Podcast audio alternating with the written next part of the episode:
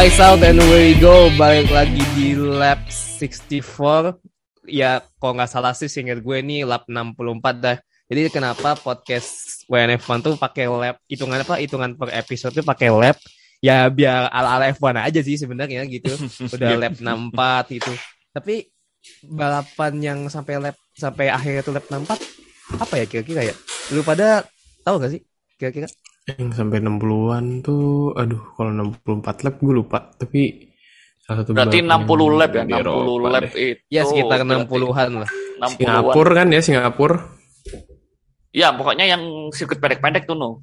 Kan ngepasin jam, ngepasin. Balapan event itu harus 2 jam ya?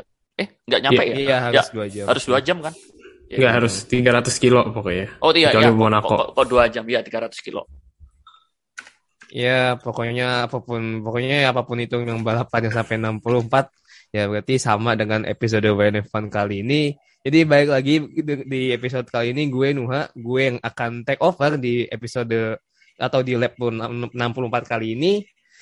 Well, seminggu belakangan nih banyak banget yang terjadi ya di dunia motorsport khususnya di F1. A lot of things, banyak banget yang terjadi. Ya, of course Ukraina dan Rusia itu masih berlangsung, masih terjadi.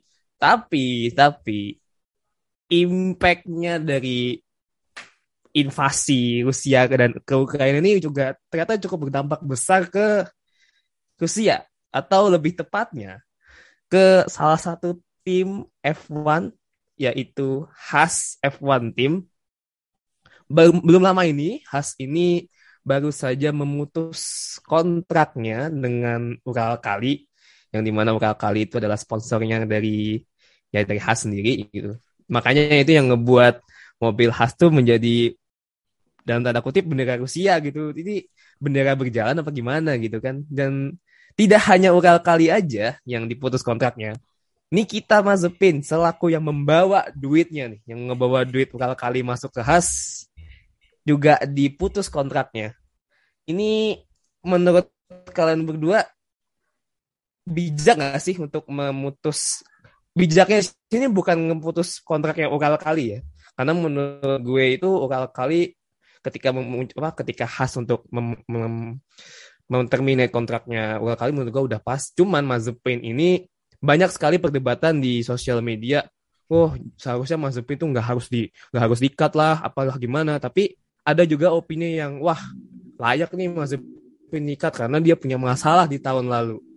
Gue menurut lo gimana nih? Harusnya mas, posisi Mazepin harus seperti apa sih? Coba gue apa ke gimana ke? Hmm.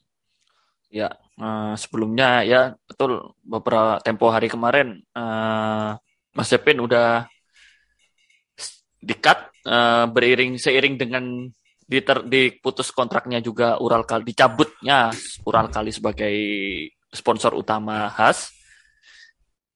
Hmm, kalau menurut gua ini fair apa enggak? Ya kalau kalau jujur enggak fair ya. Soalnya kan sebelumnya F1 udah ngumumin juga kalau pembalap maksudnya apa pun bukan pembalap atlet dari Rusia masih boleh eh kok kok atlet pembalap dari Rusia masih boleh masih boleh balapan tapi nggak boleh pakai bendera Rusia atau pa harus pakai bendera netral.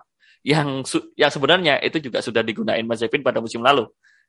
Ya, tapi betul, betul. Uh, tapi uh, kalau kalau kalian membaca mak maksudnya mengikuti konteksnya kenapa Mazepin ini juga terikut kena imbasnya padahal dia secara aturan sebenarnya nggak ada masalah itu karena Mazepin adalah yang membawa sponsor Ural Kali ke Haas F1 Team which is apabila Ural Kali cabut ya sayang sekali atau mohon maaf sekali ya Mazepin selaku yang yang membawa sponsor itu juga harus pergi jadi kalau belumnya kalau yang belum tahu itu sebenarnya nggak Mazepin aja sih yang kayak gini itu. Maksudnya dia itu ada sponsor gitu. Uh, kalau di di rekan setimnya pun juga ada uh, siapa namanya Mike Mick Schumacher kok Michael Mick Schumacher. Cuman Mick Schumacher memang sponsornya nggak mayor. Dia tuh one and one apa sama satu lagi tuh yang kayak sponsornya Michael Schumacher tuh yang biasa ya, itu, dipakai itu di bang sih itu bang. Itu bang. Nah sama kalau Has mencabut sponsornya itu ya Mick Schumacher juga harus pergi. Seperti itu. Cuman berhubung di sini adalah Ural Kali adalah sponsor mayoritas atau ya sponsor utama dari tim sampai namanya pun dipakai di, di nama tim atau kan kita tahunya kan Ural kali khas F1 tim sekarang udah berubah menjadi khas F1 tim aja. Otomatis ya Mas Epin yang selaku membawa sponsor itu harus cabut sih. Ya fair gak fair cuman kalau ngikutin aturan ya mau gimana lagi. Kalau dari gue gitu sih. Uh, dan ini kan karena otomatis karena Mazepin cabut ya, cabut dari Haas. Posisi yang ditinggalkan oleh Mazepin ini menjadi terbuka lebar bagi bagi para pembalap yang mungkin dalam tanda kutip ada perdebatan wah dia seharusnya ada nih di F1 tahun ini. Tapi ternyata ya kalau di beberapa pemberitaan sebelumnya itu si Oscar Piastri yang dia seharusnya bisa naik ke F1 tapi akhirnya sekarang dia ada di reserve-nya Alpine kalau nggak salah sehingga yes. gue reserve-nya Alpine.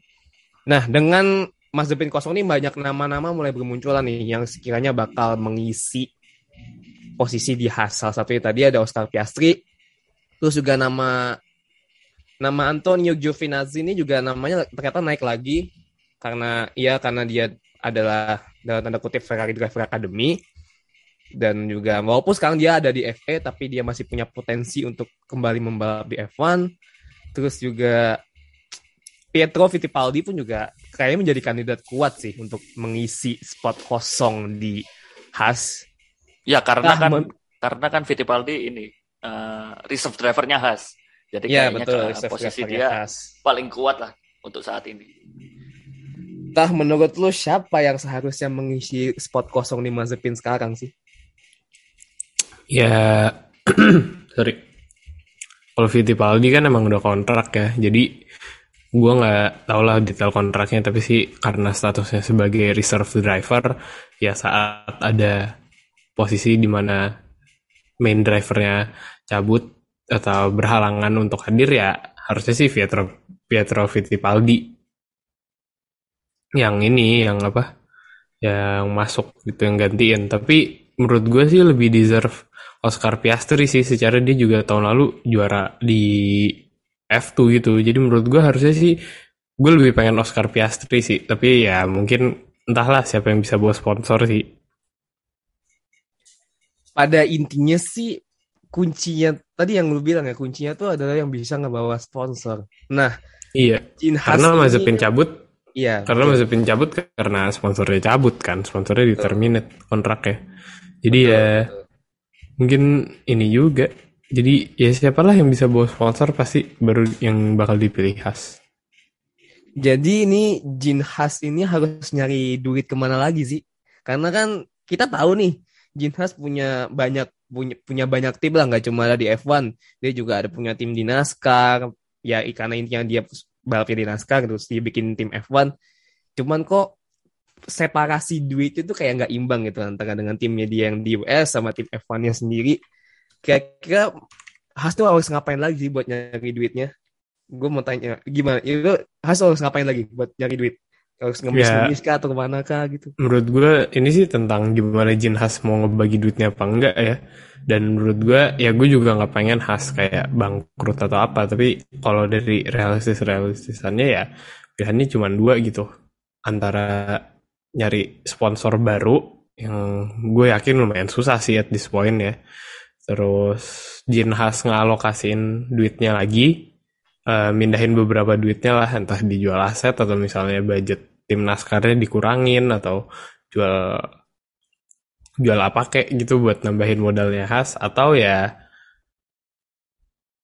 jual tim ya ke mungkin ke Andretti. Ya gue nggak pengen bangkrut sih karena kasihan kan ada orang-orang yang kerja di sana. Kalau kalau bangkrut kan mereka bakal inilah apa bakal nggak kerja lagi gitu sedangkan kalau dibeli dibeli hak kepemilikannya dibeli ya pabrik-pabriknya kan tetap dibeli juga gitu jadi gue yakin hmm.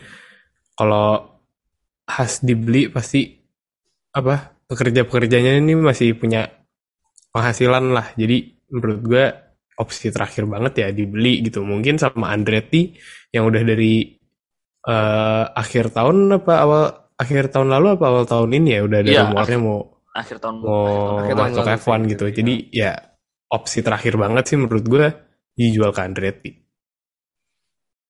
Nama Andretti ini mem- memang menarik ya karena kan dulu juga ketika tahun ya tahun jebot lah 60 70-an tuh nama Andretti itu menjadi populer karena dia dulu juga pernah juara gitu.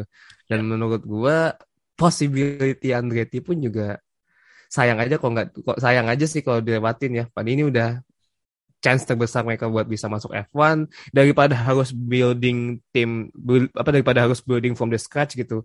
Menurut gua beli itu menjadi opsi yang paling dalam tanda kutip paling safe ya. Karena ya capek juga sih ngebangun tim dari awal gitu. Tapi Rusia ini pun juga tidak hanya dari cabutnya Ural Kali juga sih. Tidak hanya cabutnya Ural Kali dari Haas, tapi juga Rusia juga di-cut juga sebagai promotor balap F1.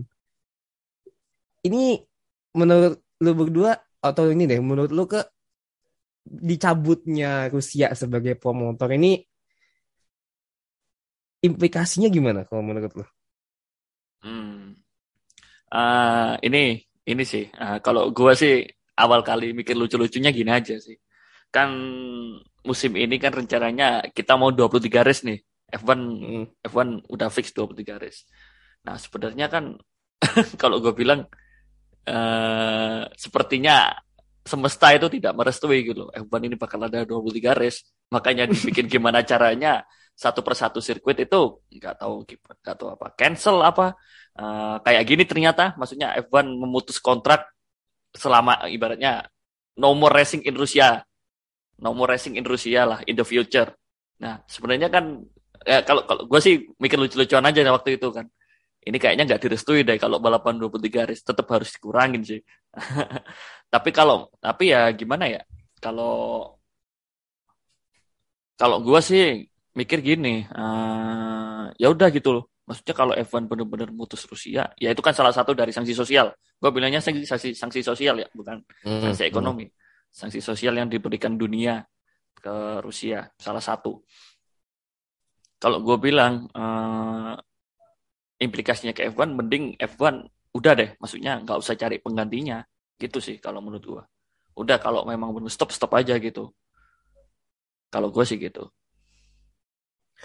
Opsi untuk tidak men untuk tetap menjadi tidak adanya race di Rusia tuh menjadi 22 tuh menurut gua itu agak sulit ya. Karena di satu sisi duit yang masuk itu lumayan gede dan juga Rusia itu kan salah satu ya kita tahu lah duitnya banyak gitu duitnya banyak dan sekali penyelenggaraan F1 di Sochi itu juga bisa menyumbang duit yang cukup gede apalagi tahun depan kan rencananya juga udah bukan di Sochi lagi itu kalau nggak salah di Igora Drive Mm-mm. di kota Saint Petersburg. Ya. Tapi karena akhirnya Rusia udah batal kan, jadi kita tidak akan membicarakan GP Rusia lagi. So, mohon maaf banget nih Rusia nih. Sorry banget ya, salah. Kalau misalnya lu mau marah-marah ya salahin pimpinan, salahin pimpinan negara lu gitu. Jangan salahin, F- jangan salahin F1.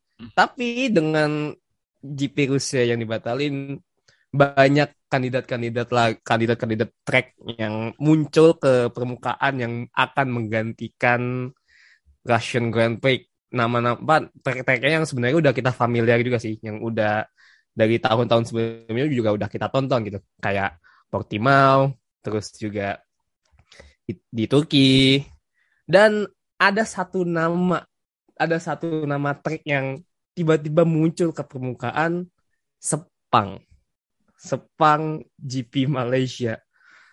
Tah, kira-kira bisa nggak GP Malaysia masuk ke kalender tahun ini?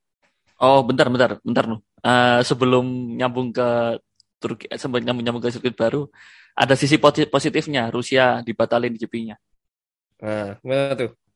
Mercedes kehilangan satu satu win, udah fix, udah kehilangan satu win, Oh, udah pasti udah. karena memang i- i- iya juga sih. Soalnya kan track bentuk apa layoutnya Sochi itu emang menguntungkan Mercedes banget ya dengan Ya dari race berapa race terakhir Mercedes terus yang menang kan. Jadinya ya tahun lalu Hamilton bukan sih yang menang? bukan tahun lalu. Oh, bukan ya? Eh, tahun lalu Hamilton apa sih? Gue lupa deh. Dan lalu ya Hamilton. Hamilton kan yang menang. sama Norris. Oh iya yang Oh Norris. iya iya Norris, iya, iya. aduh, aduh, Norris itu. ya. Maksud gua maksud gua ya udah maksudnya itu juga lucu-lucuan maksudnya ya udah berkuranglah satu sirkuit buat Mercedes gitu sih. Hmm. Iya, iya juga sih, bener juga. eh, ya udah kita lanjut Tah. Kira-kira nih Malaysia bisa nggak sih masuk ke jajakan kalender tahun ini? Karena kan banyak tiba-tiba naik namanya naik nih di di sosial media gitu tuh sampai Hmm. akun officialnya Sepang di Twitter tuh anyone mention Sepang itu balasan tuh langsung rame banget tuh karena kayaknya emang pada kangen deh balapan di Sepang lagi. Menurut lu gimana? Bisa-bisa aja, cuman kan isu yang bikin Sepang cabut kan gara-gara nggak ada duit kan. Iya, Dan itu, apa untung. sejak Liberty masuk biaya buat ngejalanin nyelenggarain race F1 kan makin mahal gitu. Jadi menurut gue bisa-bisa aja tapi ya tergantung F1 kan di sini konteksnya bukan Sepang yang butuh F1 gitu, F1 yang butuh Sepang kan. Em, apakah F1 mau ngasih dalam tanda kutip diskon atau subsidi gitu buat Sepang nyelenggarain race-nya? Ya kalau kayak gitu sih boleh-boleh aja dan COVID kan kita juga belum tahu bakal gimana ya. Mudah-mudahan sih nanti pas saatnya Sepang nge-host balapan sih udah turun ya itu kan bulan apa ya bulan September kan ya Iya. mudah-mudahan sih udah turun udah mulai mereda lah tapi kalau belum juga ya dari pihak Sepang menurut gue banyak konsiderasi gitu. Kalau misalnya tiba-tiba COVID-nya naik kan mereka nggak bisa jual tiket gitu. Apalagi biaya nyelenggarain F1 mahal banget. Apakah mereka masih tetap mau nyelenggarain gitu loh dengan kondisi ekonomi dan kemungkinan bisnisnya dan lain dan yang lain-lain gitu. Jadi apakah menurut gue mungkin? Ya mungkin mungkin aja sama F1 sadar bahwa mereka yang butuh Sepang gitu loh bukan Sepang yang butuh F1 menurut Hmm. gue sih gitu. Dan satu lagi, Nu, alasan Hmm. dulu pemerintah Malaysia membangun sirkuit Sepang adalah benar-benar buat ningkatin pariwisata di daerah situ. Benar-benar ningkatin pariwisata di Malaysia. Nggak ada alasan lain. Jadi siapa namanya dulu yang bangun kan Mahathir. Hmm. Eh, Mr. Mahathir itu dia alasannya cuma gitu doang. Ayo kita bangun sirkuit buat ningkatin pariwisata. Udah. Ya bener. Habis itu nyambung si Fatah. Ya bener kalau emang kita udah keluar modal banyak buat bayar ke F1 kita kalau kita nggak nggak untung kan ya buat apa gitu soalnya itu sih salah satu alasan dulu pemerintah Malaysia membangun sirkuit Sepang itu Iya, iya, iya. Dan berarti jika kalau memang nanti akhirnya Sepang bisa, dan nanti menurut gua ada ada point of view yang menarik ya.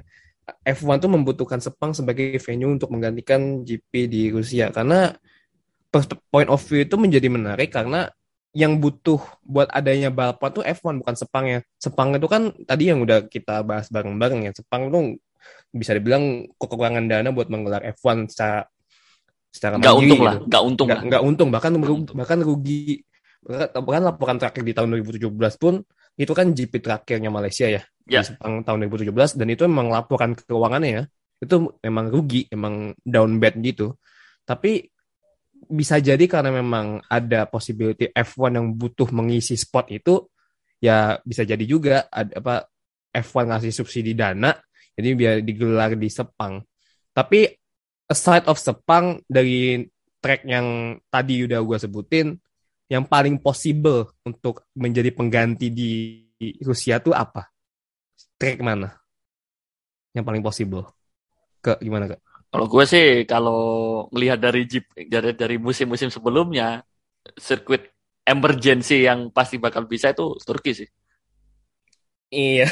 Turki kayaknya dua musim terakhir ini sudah masuk sudah menjalankan tugasnya dengan baik sebagai super sub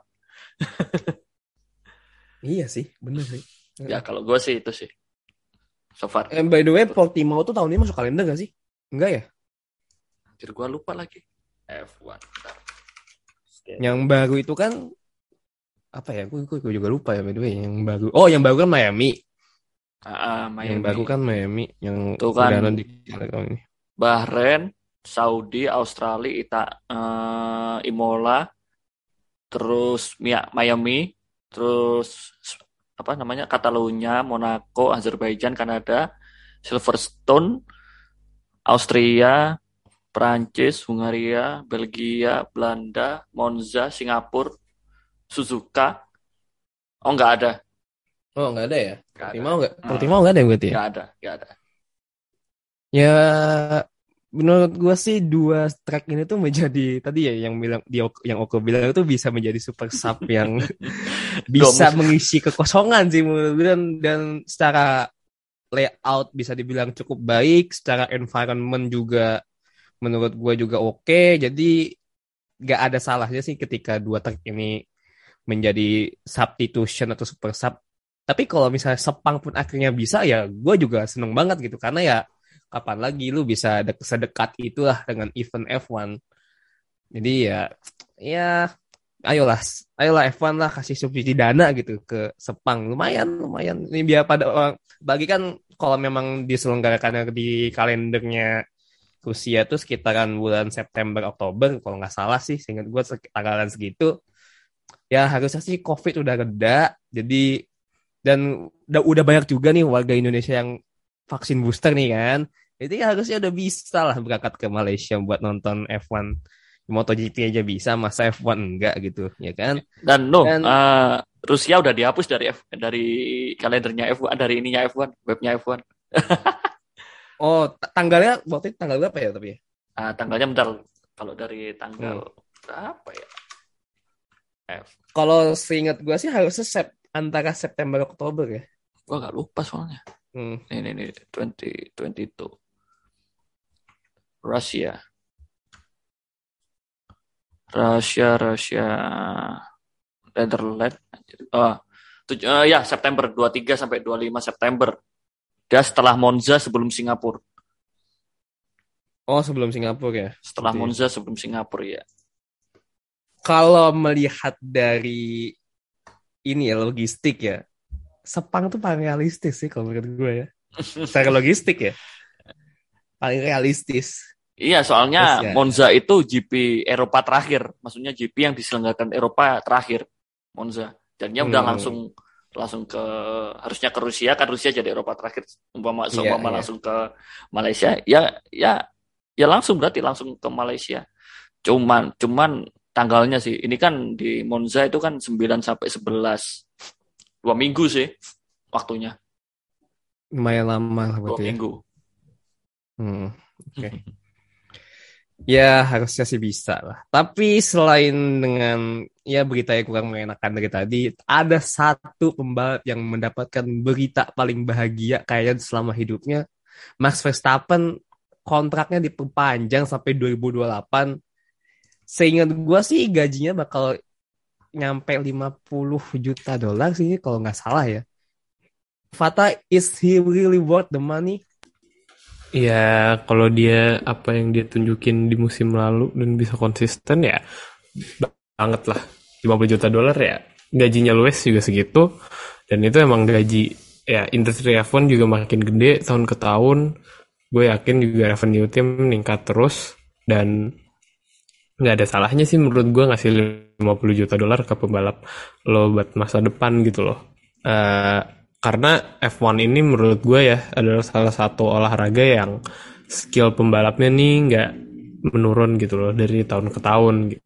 Eh, biasanya kan kalau pembalap jelek ya gara-gara mobilnya gitu loh bukan gara-gara pembalapnya kan jadi menurut gue worth worth worth it worth it aja buat Red Bull ngasih Verstappen 50 juta dolar gitu masalahnya apakah Red Bull bisa ngasih ini enggak timbal balik yang pas gitu. Apakah dia bisa menjamin Verstappen untuk di Red Bull terus sampai tahun 2028 dengan mobilnya gitu loh? Itu yang menurut gue jadi apa ya yang harus dikhawatirkan Red Bull sih sekarang. Di mana bisa Verstappen nih tetap ya betah-betah aja gitu di Red Bull loh. Walaupun ya mungkin gak juara tiap tahun juga tapi at least bisa konsisten setahun ya bisa menang lah satu dua kali Tapi tapi tah kalau ini ngelihat sebenarnya Red Bull itu kalau gua ngasih kontrak nggak tahu sih kalau 55 juta itu di F1 gede gak ya? gede gede Gede ya? Segitu, segitu Gede. gede. Berarti berarti setahunnya 15 ya? Eh 11 enggak enggak 15, 55 juta per tahun Oh 55 juta per Tahun. tahun. Anjir, Per tahun. Gua kira 5 tahun itu. Oh iya li- 55 million a year. 55 juta per tahun. Ya kalau gua sih Red Bull invest di waktu yang tepat kalau gue bilang. Soalnya sekarang Verstappen umurnya baru 24. Berarti dia kelas kontraknya habis umurnya masih 30. Masih prime lah. Even dia waktu ntar kontraknya habis pun dia itu masih di prime, di usia primanya. Ya dengan lima tahun dan duit sebanyak itu sih lima ya, 55 juta per tahun di total lima tahun kira-kira ya ada kali 200-an lebih. Itu kayak kalau bisa di olahraga lain itu kayak kontrak siapa ya? Nggak Yang ada bisa itu. nyampe 200 juta per, sampai lima tahun. Apa Ben Simmons? Kayaknya enggak. 250 juta per 5 tahun tuh jarang sih. Di baseball jarang. aja biasanya 200 gitu. 200 gitu 3 tahun. Eh enggak, sorry, bukan 3 tahun. Kayak sampai 10 tahun gitu-gitu. Mahomes itu berapa Mahomes? Mahomes itu Fort, empat- empat- masih 40 ya per tahun dia dia. dia kan ini kan Oh 10 10. tahun kontraknya kontraknya 10 tahun. Oh Mahomes 10 lupa. Gak ada cuy.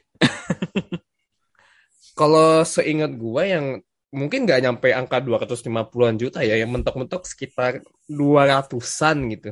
Di NBA sih paling seingat seingat gua ya, yang bisa nyampe kontrak segitu cuman memang ada klausul tertentunya, nggak semua pemain bisa dapat kayak kalau di NBA bisa nggak bisa dapat semua dapat ya apa sih istilahnya tuh kayak super super max lah max kontrak gitu. Kalau di NBA emang nggak bisa semua pemain yang hanya pemain-pemain yang punya accolades khusus atau yang mencapai pencapaian tertentu yang bisa dapat super max kontrak. Dan menurut gua apa sih namanya persamaannya dengan kontrak super max yang di NBA dan Max Verstappen ini karena dia udah udah dapat gelar juara nih ya akhirnya dapat gelar juara setelah enam tahun berkarir. Ya menurut gue layak sangat sangat layak dia untuk mendapatkan nilai sebesar itu. Cuman PR-nya PR-nya Red Bull ini kan Red Bull Power Trends ini mau kayak apa nanti? Karena tadi yang Hmm. udah sempat Fatah singgung juga ini kan development engine ini engine freeze kan lagi di masa engine freeze sampai kurang lebih di tahun 2025 dan itu tahun 2000 2025 juga mesin juga semua bakal mesin baru. Jadi ya patut dinanti aja sih menurut gua. Jadi ya kongres lah buat Max Verstappen. You got the money you deserve. Ya bisa lah buat beli Chelsea gitu. Kasihan tuh Chelsea butuh dijual tuh. Bisa lah beli Chelsea sih seharusnya ya. Berapa Chelsea kemarin? 4, 4 ini ya? 4 miliar ya? 4 miliar. Eh, Pounds. Brown Abramovich itu ngebit eh nawarinnya tiga setengah nggak sampai empat kok tiga setengah kalau nggak salah tiga ya setengah sih. miliar pound Hmm, ya bisa lah sih harusnya ya. Tapi selain dari Max Verstappen yang juga dapat duit sebanyak itu, biar duitnya itu ya at least berguna lah buat development personal dia dan development mobilnya bentar lagi. Seminggu lagi tuh Bahrain pretest pre-season ini official ya. Ini pretest pre-season testnya tuh official resmi. Jadi udah langsung di track yang bakal langsung yang akan digunakan sebagai race pertama. Dari hasil konklusi yang terjadi di Barcelona kira-kira ada inovasi apa lagi yang bakal ditunjukin oleh tim-tim di di di grid lah kalau gue personally sih tidak berekspektasi apa-apa ya. Karena ya secara performa semua tim menurut gue juga oke gitu. Tidak ada major isu ya kecuali mungkin khas kali ya. Yang developernya mungkin ada cuman ya kurang duit aja gitu. Dari ya lu berdua kan ah gitulah fans fans Ferrari gitu kan. Yang kemarin di Barcelona tuh nggak ada menurut gua nggak ada isunya sama sekali bahkan Ferrari pun bisa mencetak lap terbanyak dengan total 439 kalau nggak salah melihat nanti di Barcelona di Bahrain buat Ferrari deh khususnya kalian berdua bakal berekspektasi apa sih dengan preseason nanti? gua nih eh Hmm. gua apa lu tah Lo dulu ya kayak, nggak gue masih mikir juga. Gue sih eh yang jelas gue sih excited ya menyambut tes preseason nih. Soalnya apa yang apa yang telah terjadi di tes preseason yang preseason tes yang eh, tes preseason yang kemarin yang tertutup di Barcelona. Setelah kita mengetahui ya sedikit banyak hasilnya. Hmm, ya kalau dibilang kalau terlepas dari Ferrari itu meraih lap terbanyak dia nggak ada isu itu sebenarnya itu kalau menurut dari kalau menurut standar gua itu memang harusnya seperti itu. Karena apa yang mereka lakukan di musim kemarin itu sudah cukup bagus. Jadi kalau justru kalau mereka banyak isu atau nggak dapat lap banyak justru malah harusnya jadi pertanyaan. Yang gua penasaran apakah uh, Ferrari di Bahrain besok apakah mereka itu sudah bisa menyelesaikan masalah dari porpoisingnya apa mereka ya, sama udah sih kalau gue sih sebenarnya yang gue tunggu dari Ferrari itu sama apa ya kira-kira ya? Soal ya sama sama sama ini sih. Sama pengen lihat aja mobil Ferrari lar, apa lari kenceng itu kayak gimana gitu. Lari 300 km per jamnya kayak gimana Soalnya kalau dari segi durability udah oke. Okay. Dari kemarin nggak ada isu, mencetak lap terbanyak. Sekarang kalau lihat di Bahrain nanti dengan kondisi like kemarin kan relatif dingin ya soalnya di, di Spanyol lah. Sekarang kan kita yeah. Timur Tengah nih ke Bahrain. Nah sekarang gimana nih mau lihat mau lihat uh, reliability mesin Ferrari di suhu di suhu yang lebih tinggi. Gak tahu sih kalau Bahrain musim-musim begini kayak gimana kan. Cuman yang jelas kan lebih tinggi daripada di Catalunya kemarin kan. Gue sih hmm. dua itu sih yang gue tunggu sih. Tiga sama lajunya Ferrari kayak gimana gitu aja. Kalau tahun lalu di Bahrain itu kan kalau saya ingat gue di kualifikasi kedua Sainz sama Leclerc itu memimpin kualifikasi dengan jarak poin apa jarak jarak waktu itu yang sampai 0,00001 seingat yeah. gue itu itu itu sih dan menurut menurut lu tak bakal gimana sih dibahkan dengan khususnya dengan Ferrari ya dengan hasil Ferrari hmm. yang udah dan tanda kutip positif lah nggak ada isu atau masalah tadi yang udah dibilang mau ke chance buat bisa at least bisa survive di preseason nanti itu bakal gimana? Menurut gue ya preseason ya preseason cuma tes aja sih jadi gue nggak berharap banyak untuk apa ya untuk Ferrari di preseason gitu ya. Uh, gue yang penting mereka semua tim semoga tesnya lancar, dapat apa yang mereka butuhkan aja gitu.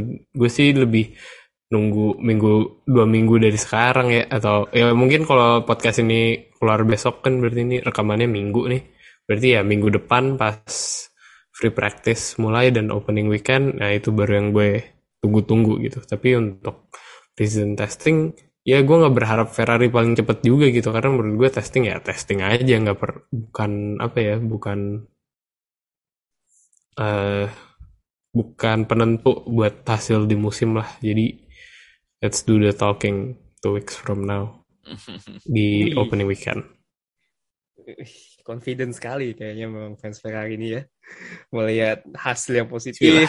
Bukan confident pak, masalahnya musim kemarin udah bagus banget dari precision sampai race itu udah bagus banget. Jangan sampai turun di musim ini. justru memang yep. justru memang harusnya naik sih menurut gue ya.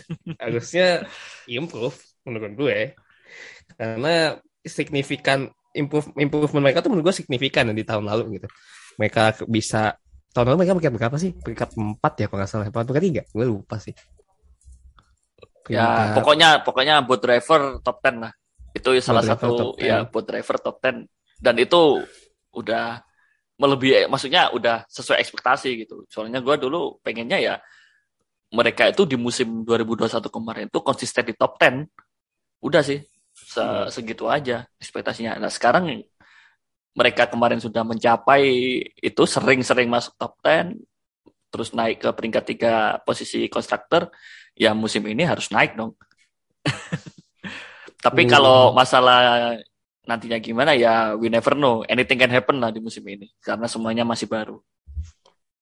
Betul betul. Dengan ya banyak banget lah yang baru lah. Dengan aerodinamik yang baru modelan apa sih pelek ban yang baru ya membuat musim ini tuh semakin menarik mau ditunggu. Dan juga nanti nih tanggal 11 Maret ntar lagi sih sebenarnya itu kan sebelum GP Bahrain juga Drive to Survive season 4 juga bakal launching rilis lah, bakal rilis di tanggal 11.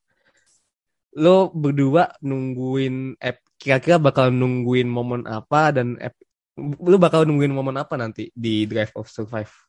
Drive to Survive. Bakal nungguin momen apa sih yang bakal lo uh ini yang episode yang bakal gua tonton banget nih, yang gua tunggu-tunggu banget nih episode atau momen yang mana? Kalau gue sih, kalau gue sih dua dua episode. Pertama ya Abu Dhabi lah jelas. Hmm. Eh, gue lupa kalau memang- Hamilton atau Verstappen ya. banyak orang Abu Dhabi juga pasti sih menurut gue ya.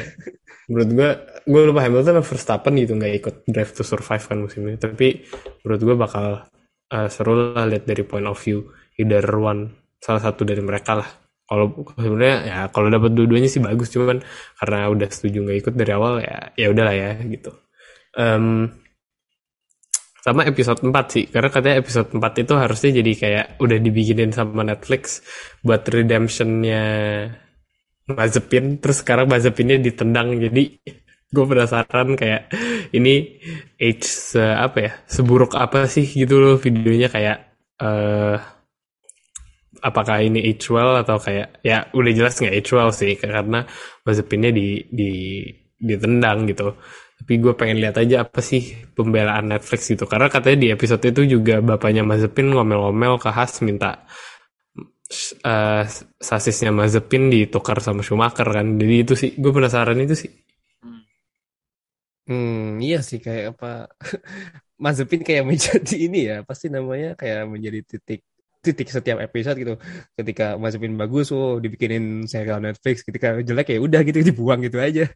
Kayak emang kasihan kasihan banget sih Mazepin kalau lu ke selain selain ini deh selain dari Selain Abu Dhabi ya. Abu Dhabi ya lu bakal nungguin momen ya yang selama 2021 lu bakal non- nungguin apa dari momen yang bakal disiarin di Drive to Survive Nah, gua lupa sih Netflix itu dulu itu maksudnya syutingnya kejadian waktunya pas kejadian itu di syuting apa enggak ya?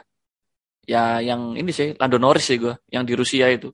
Nggak tahu itu di apa syuting nggak itu ya Net- Netflix ya. ya itu kurang tahu juga gue Nah, gue sih sebenarnya kalau pengen nungguin sebenarnya pengen nungguin itu. Maksudnya abis race itu kayak gimana gitu Norris itu. Soalnya setelah paruh musim dia itu turun banget gitu. Kan lumayan tuh kalau setelah kita itu ya Heeh. Kan lumayan tuh kalau kita tahu behind the skin-nya atau pas Belgia kalau bisa. Pas kita nggak balapan.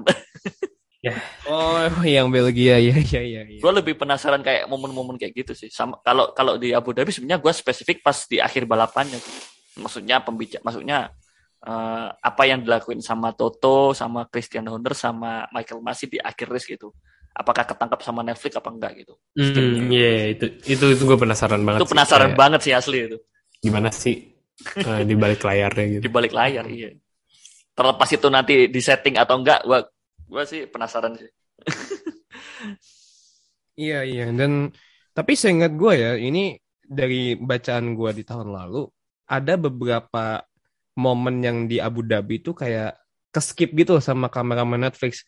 Hmm. Yang gue tahu, yang gue baca di Twitter itu ada ketika di mana Verstappen dan Hamilton tuh lagi saling berpelukan gitu kan ya. Mungkin mengucapkan selamat lah. Hamilton ngucapin selamat. Itu tuh sampai kru kru net apa kru kameramen Netflix tuh kayak ditepok gitu. Eh lu nggak ini lu nggak rekam itu rekam momen itu kata seingat gue sih yang gue baca yang dibilang sama kru Netflix itu waduh kameranya lagi nyuting ke yang lain nih. Jadi ada momen-momen yang bisa jadi nggak ketangkep gitu. Dan itu bisa menjadi momen-momen yang eh, bisa dibilang ya menurut gue itu bakal mengubah narasi gitu. Mengubah narasi yang udah dibangun sama Hmm. cerita di Drive to Survive. Tapi ya kita nggak akan tahu juga itu narasi yang akan dibangun oleh Drive to Survive itu ceritanya bakal seperti apa per episodenya dari point of view-nya seperti apa. Cuma tadi yang dibilang Fata itu kalau gue kalau Hamilton tuh confirm menurut gua confirm ada karena di trailernya pun ada. Dia dia ada di situ di, di trailer di trailer kan dia ada kayak ya kalau bisa di DTS kan ada kayak sesi interviewnya gitu kan Mm-mm. nah Hamilton tuh ada ada dimasukin ke trailer jadi menurut gua Hamilton bakal confirm masuk ke DTS gitu ya mungkin kayak satu episode kayak ngebahas Mercedes gitu lah yang full tentang Mercedes dan Hamilton gitu Terus, Cuman- no, gua gua sebenarnya Gimana? agak penasaran. Eh, gua kan nggak terlalu banyak lihat film dokumenter ya. Ini jatuhnya dokumenter kan kalau Drive to Survive itu ya. iya dokumenter Nah, dokumenter yang gua ketahui kan biasanya di diperankan oleh ilustrator yang pemeran yang yang mengalami kejadian aslinya kan biasanya cuma sesi interview. Nah, kayak terus kayak Drive to Survive ini itu kayak film dokumenter yang gue tuh baru tahu itu kalau itu ada kejadian aslinya gitu. Maksudnya dia tuh based on kejadian asli sama interview.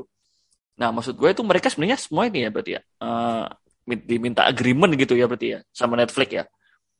Ntar bakalan masuk Drive to Survive nih gitu. Kayak gitu ya berarti. Harusnya sih Ada. gitu ya. Harusnya sih. Biasanya sih janjian gitu. Kapan? Oh, so- soalnya kan contohnya yang paling baru yang baru terakhir kemarin lah kayak Downfall the Crash apa the Clash of Boeing itu. Itu kan kayak kayak itu kan semua kejadian kan ilustrasi gitu kan. Ilustrasi diperankan model yang pemeran aslinya itu cuma diwawancara. Nah, kayak Drive to Survive ini kayak film dokumenter pertama kayaknya. Yang gua tonton itu ada kejadian aslinya gitu. Soalnya nggak nggak terlalu banyak nggak banyak nonton film dokumenter sih. Hmm. Hmm. Iya. iya. Soalnya kalau apa yang gua perhatiin dari Drive to Survive tuh ketika misalnya episode kalau misalnya di tahun lalu di episode ke yang ngebahas Ferrari lah misalkan Ferrari yang di Monza itu kan yang di interview ketika Leclerc dan Sainz di interview itu itu kan momennya juga ketika saat itu juga Hmm. maksud gue ketika yang disiarin tuh yang misalnya lagi di Monza gitu lagi momen mereka lagi di Monza yang pas di interview Leclerc, Sainz dan Binotto di interview kan posisi mereka juga lagi ada di Monza jadi Mhm. makanya ketika mereka interview dan sequence antara interview dan video dokumenter itu jadi selaras karena ketika kejadian misalnya setelah kejadian tersebut mereka tuh kayak langsung diundang masuk ke kayak mungkin ya di dalam sirkuit di dalam pedok yang Monza tuh kayak ada bubble atau roomnya sendiri kayak Mhm. ininya sendiri buat Netflix. Nah, itu drivernya atau mungkin tim prinsipal kayak Binotto di, su- ya diundang buat masuk situ buat ngomong. Berarti bisa dibilang unscripted dong. Um, Di setting, di setting cuman unscript gak gue bilang gimana ya? unscripted iya, cuman kan kalau menurut gue ini ya, unscripted tuh iya. Cuman kan nanti kan ada proses editing. Mhm. Proses editing terus menyatukan setiap frame, menyatukan setiap cerita dijadikan di dalam satu episode. Itu kan yang pasti bakal melalui proses panjang lagi. Jadi yang ya kan banyak komen-komen yang bilang oh ini kayak scripted lah inilah apalah ini ada beberapa part yang harusnya nggak bisa nggak winning segala macam menurut gue proses buat menjadikan sebuah episode di DTS tuh nggak segampang itu sih. Maksudnya kan ada berbagai layernya nih. Ada berbagai mis ya kayak tadi interview gitu. Misal selesai dapat footage ada kejadian di lapangan ambil lagi footage-nya. Terus ada tiba-tiba kayak momen-momen yang on off momen-momen off track gitu menurut gue tuh momen-momen off track itu menjadi kunci juga sih Ya justru Jadi- gue tertariknya to Survive dulu disebutnya di momen off track-nya daripada momen on track. itu Iya. yang bikin bagus sebenarnya kan itu. benar benar benar kalau gua sih men- selain Abu Dhabi pasti sih Abu Dhabi gua nungguin ini sih Silverstone kalau gua Oh iya tuh Silverstone. gua ya kalau gua Silverstone Iya sih, itu gimana tuh habis itu tuh? itu kan juga dalam tanda kutip ya kenceng banget tuh senggolannya tuh. Senggolannya maksudnya nggak cuma senggolan di track ya tapi off track pun juga senggolannya juga kenceng tuh. Itu Horner sampai marah-marah Toto sampai ngebela Hamilton habis-habisan menurut gue tuh tensinya tinggi banget sih dan itu menarik dan gue pengen sih ada situ gitu. And kayaknya itu aja kali ya buat episode kali ini ini kita bahasnya tidak akan terlalu lama karena memang sebentar lagi preseason akan dimulai dan kurang lebih dua minggu, dua minggu lagi kan ya GP Bahrain akan diselenggarakan race perdana. So jangan lupa buat kalian yang dengerin episode 64 kali ini jangan lupa buat follow sosial media kita di Twitter kita ada @wnf1official di Instagram juga @wnf1 underscore official TikTok juga jangan lupa di TikTok at at WNF1 official ya kan ya? Admin Oh, TikTok iya, gimana admin iya, TikTok? itu Fun official. Iya, iya, Nah. benar-benar. Saya lagi jarang update nih lagi lagi kering gue nggak tahu mau konten apa. Ya konten bisa lah dicari gitu. Gampang. Sampang gampang. Dan ya jangan lupa follow TikTok kita juga yang ya apa pokoknya kan TikTok tuh yang adminnya paling ganteng lah itu dah. Jangan lupa di follow gitu kan. Waduh, waduh, puji dulu, waduh, gue puji nih. waduh, Ya, waduh, waduh, waduh. jangan pokoknya di follow semuanya dan sam- ya we'll we'll see you next in the next episode gue Nuha cabut and see you in the next episode bye Bye. Bye. Bye guys.